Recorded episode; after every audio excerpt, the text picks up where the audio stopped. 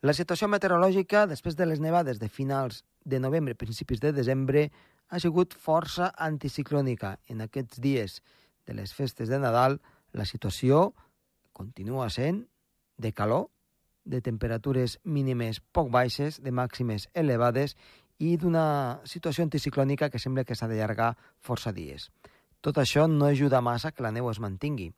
Tenim l'esperança, però, que en acabar aquests dies de festes arribin les pertorbacions. Comença el torn.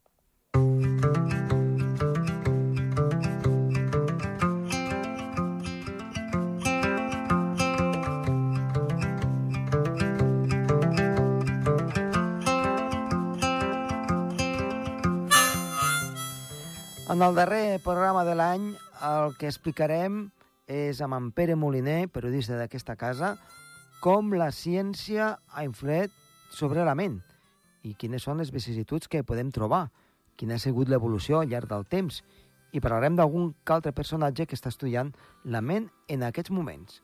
Comença el torn.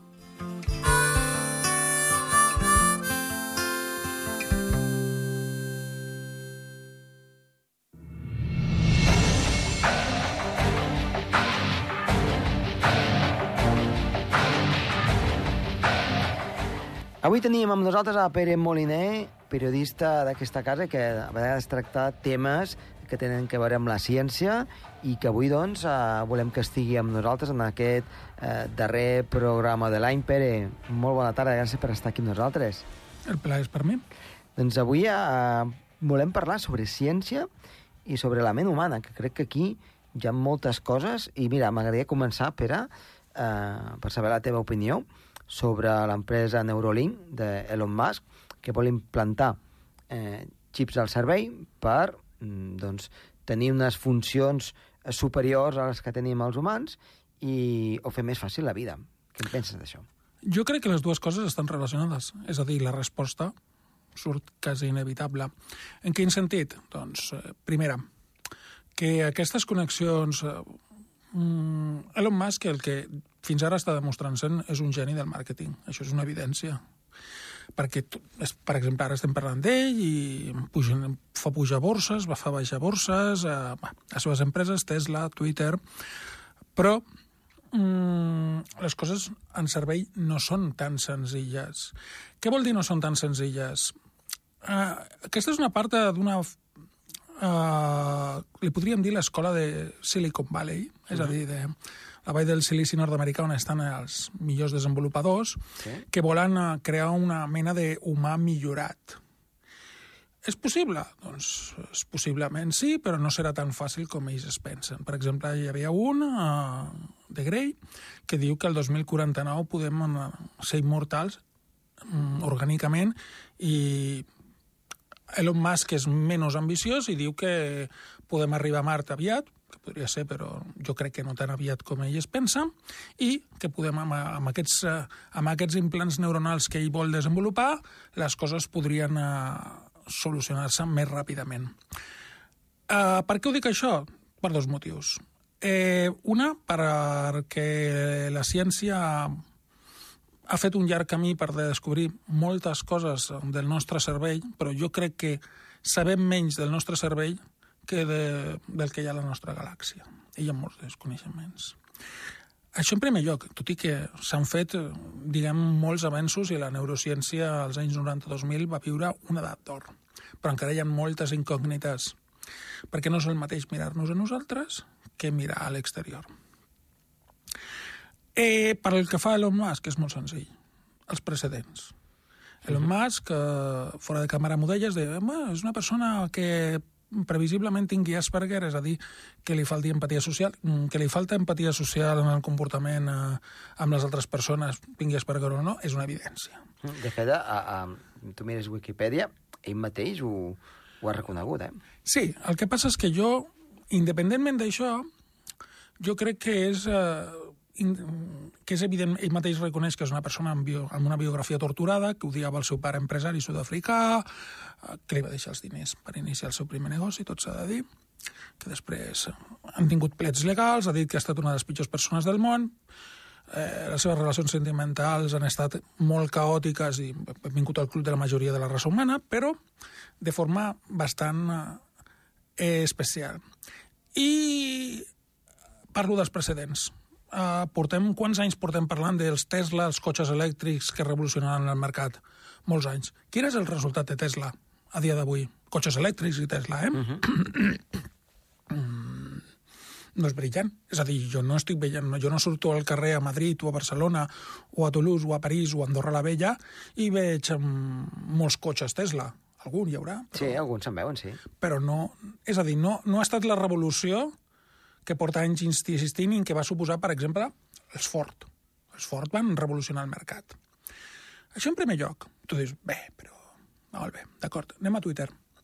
Twitter mm, va fer que es faria amb el mercat, després va dir que no, després va dir que sí, eh, per por a perdre, i va començar amb coses tan avançades i innovadores com fer pagar més els continguts, deixar via lliure els continguts més, més dogmàtics eh, emparant-se la llibertat, acomiadant treballadors i després descobrint que alguna part dels treballadors que havien acomiadat eren imprescindibles per ara en la, en la nova estructura, eh, dir als treballadors que havien de treballar moltíssimes hores com ell fa a canvi de res...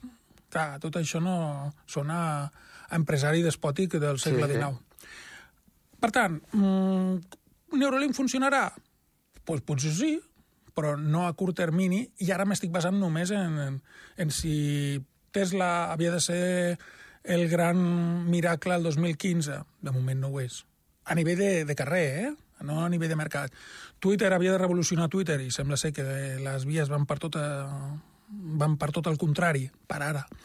Doncs aquesta és una altra cosa.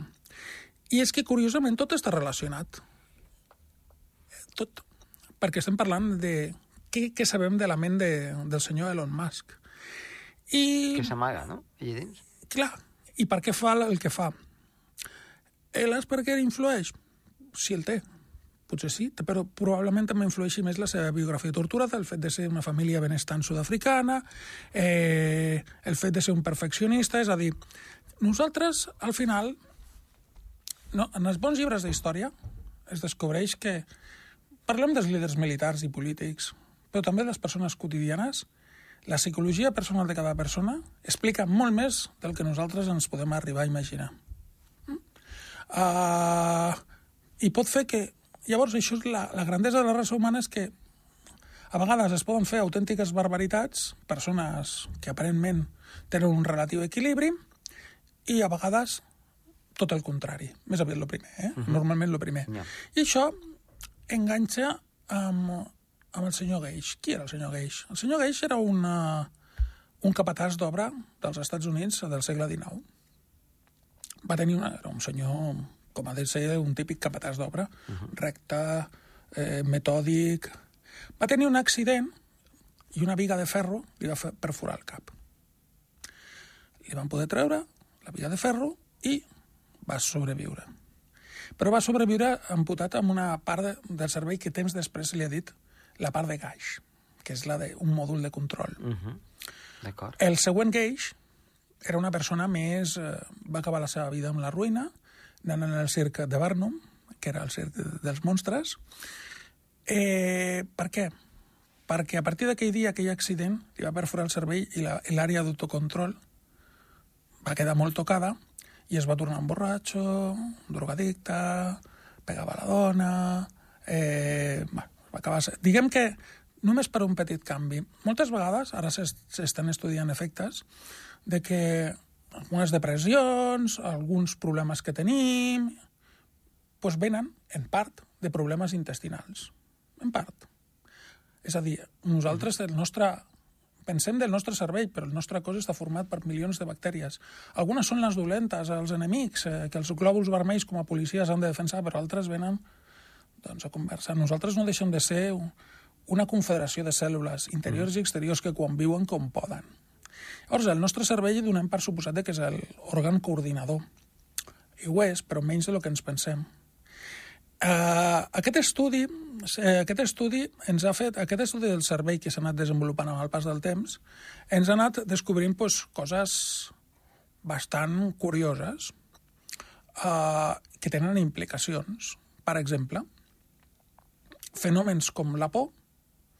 Mm. Totes les persones tenim el fenomen que diem por. Només hi ha 500 discapacitats al món que no el tenen. Són discapacitats per què?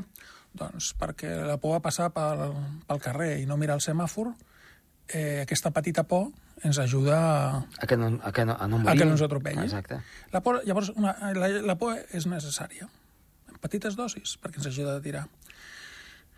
Molts eh, grups religiosos parlen de la necessitat de la ira, de, de la innecessitat de la ira, un món en què fossin pacífics i tals, però la ira, de tant en tant, ens ajuda a defensar els nostres interessos personals o de grups. És a dir, sense la ira, moltes vegades, potser altres depredadors o altres depredadors humans se'ns menjaria.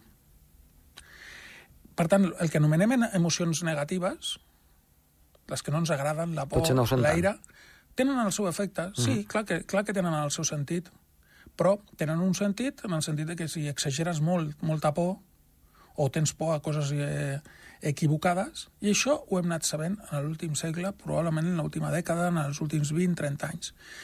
La, hi ha moments en què l'aire és necessària per sobreviure, hi ha moments en què la, la por és necessària per sobreviure, i això ho hem anat sabent ara. I també hem anat sabent com som, és a dir, com les persones ens... Eh, és a dir, comparant-nos amb altres animals que mm, la ciència era més aviat masclista, perquè la fèiem els homes, la majoria de les vegades. Llavors, eh, ens hem adonat de que no hi ha gaires diferències entre el cervell d'un home i una dona. Sí, podem dir que alguns són més espaials, uns altres més, menys que no, però eh, descobrim d'aquesta manera que la ciència, la ciència ens descobreix que en realitat no hi, que sí que hi ha algunes diferències, és a dir, uns un pot, la dona pot quedar embarassada, l'altra no, i això evidentment afecta a la personalitat. Hi ha una personalitat biològica uh -huh. femenina i una personalitat bi- biològica masculina. I hi ha petits grups indeterminats, petitíssims, de persones que no... aquesta fluidesa, que hi ha una certa fluidesa. Però al saber això ens dona una, tranquil una tranquil·litat. La tranquil·litat de que no és que els homes siguin superiors i les dones inferiors o al, al revés. No. Som la mateixa espècie amb possibilitats físiques diferents. Els homes acostumen a tenir, segons els estudis, més consciència espaial i les dones acostumen a ser més capacitats eh, lingüístiques.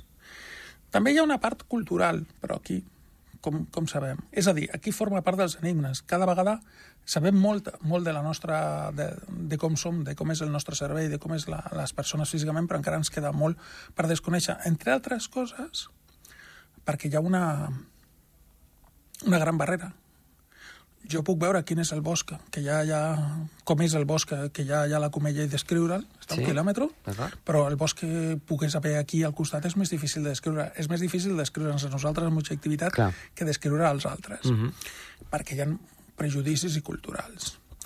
Un dels prejudicis, per exemple, és que la majoria dels estudis científics, per no dir la immensa majoria, s'han fet en, el que, en els països desenvolupats, és a dir, els Estats Units, Anglaterra, França, Alemanya, i la psicologia dels nord-americans prototípics, ah, i amb gent universitària, de classe mitja alta, mitja, és a dir, pocs treballadors, poques minories...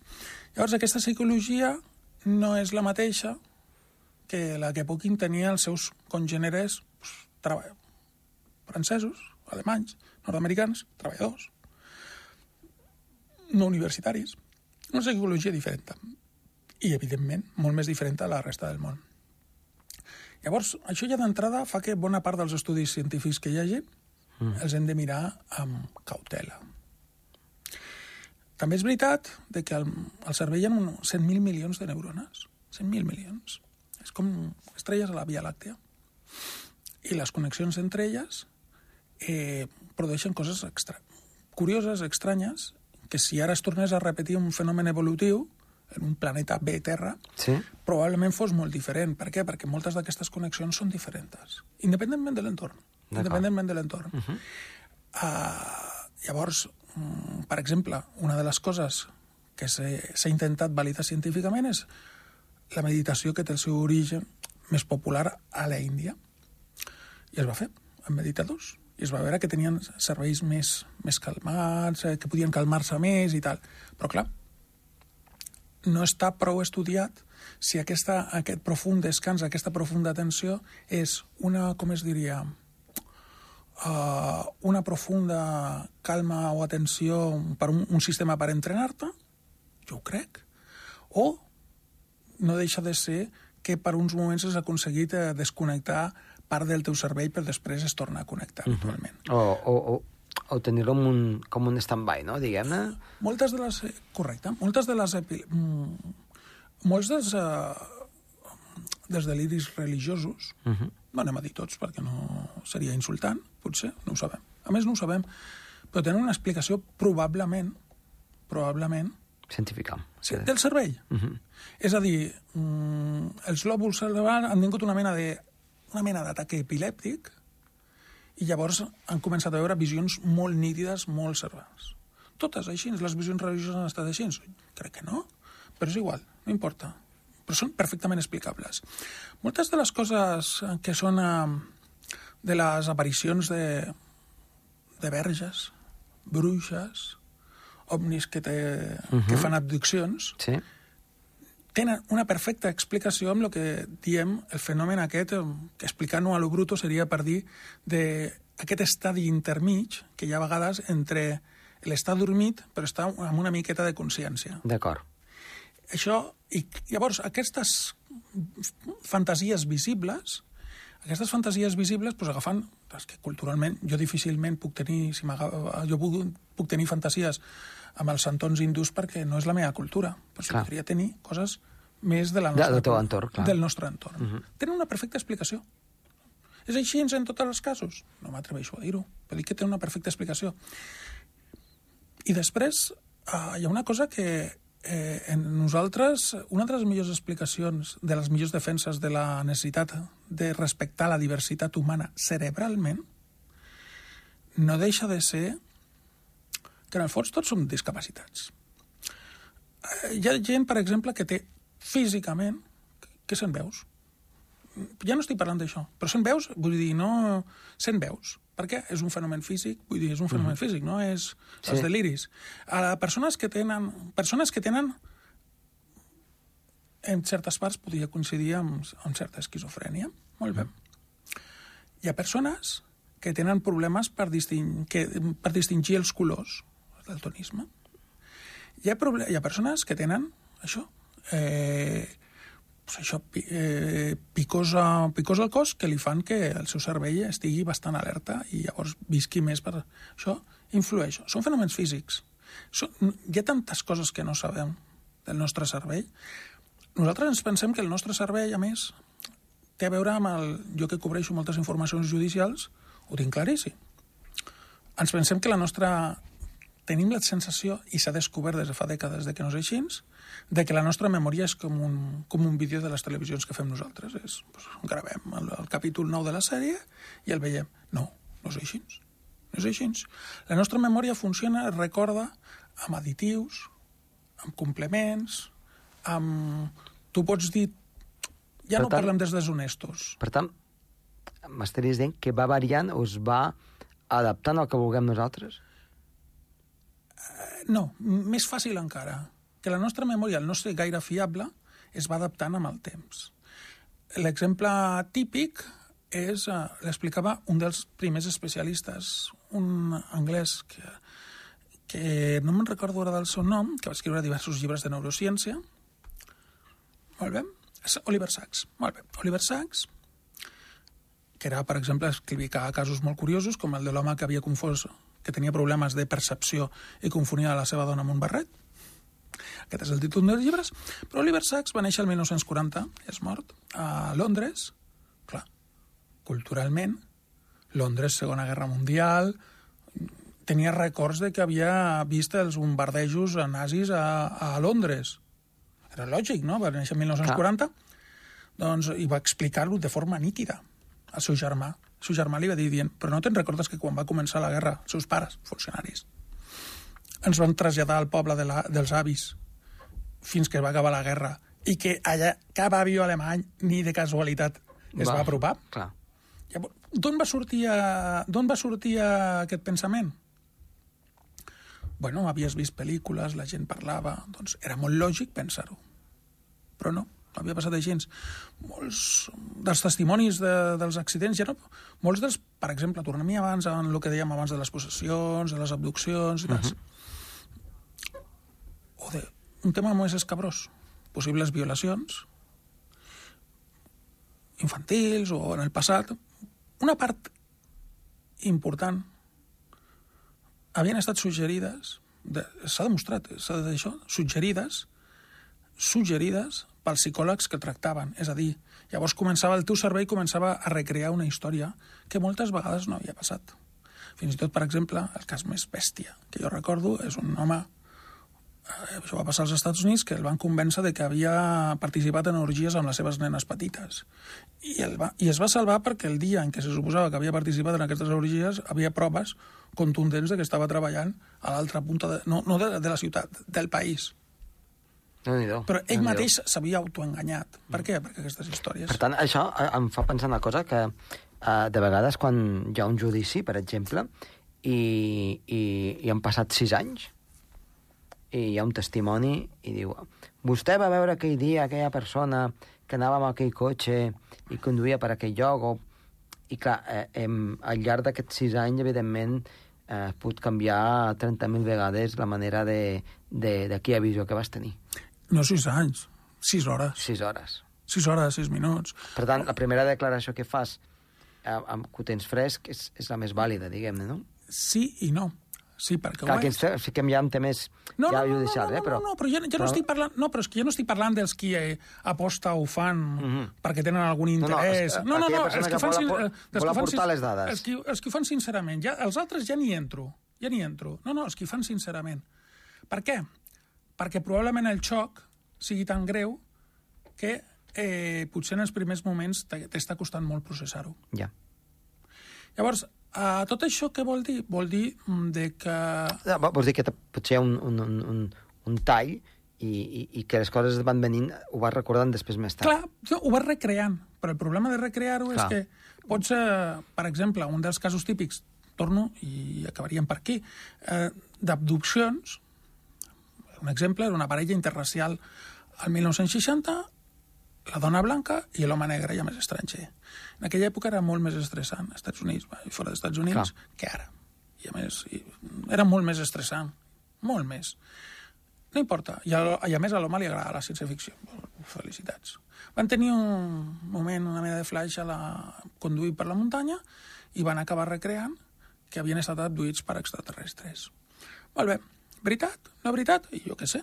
Ara, el que va dir un, la descripció d'un dels extraterrestres que teòricament eh, li havia, els havia abduït era idèntica idèntica al de un extraterrestre de ficció que havia sortit a la sèrie molt coneguda a Catalunya com a La Dimensió Desconeguda. Uh -huh. El capítol de Dimensió Desconeguda. L'havia vist el capítol de Dimensió Desconeguda? Potser sí, o potser no. L'havia influït. Llavors, O, o, o millor l'havia vist i, I no ho recordava. I no ho recordava. O simplement havies passat per un centre comercial i hi havia les imatges i, I- els havies vist, però... correcte. Llavors, això vol dir que la ment no, és fal·lible, tots són fal·libles. Per què? Pues perquè encara no ens coneixem prou. Doncs Pere, eh, ha estat una tertúlia doncs, eh, prou bonica per acabar l'any, eh, recordant doncs, una mica el que ha estat eh, la ciència, amb, amb, el, amb el que és la nostra ment, i amb això et volem desitjar una molt bona entrada a l'any 23. Igualment.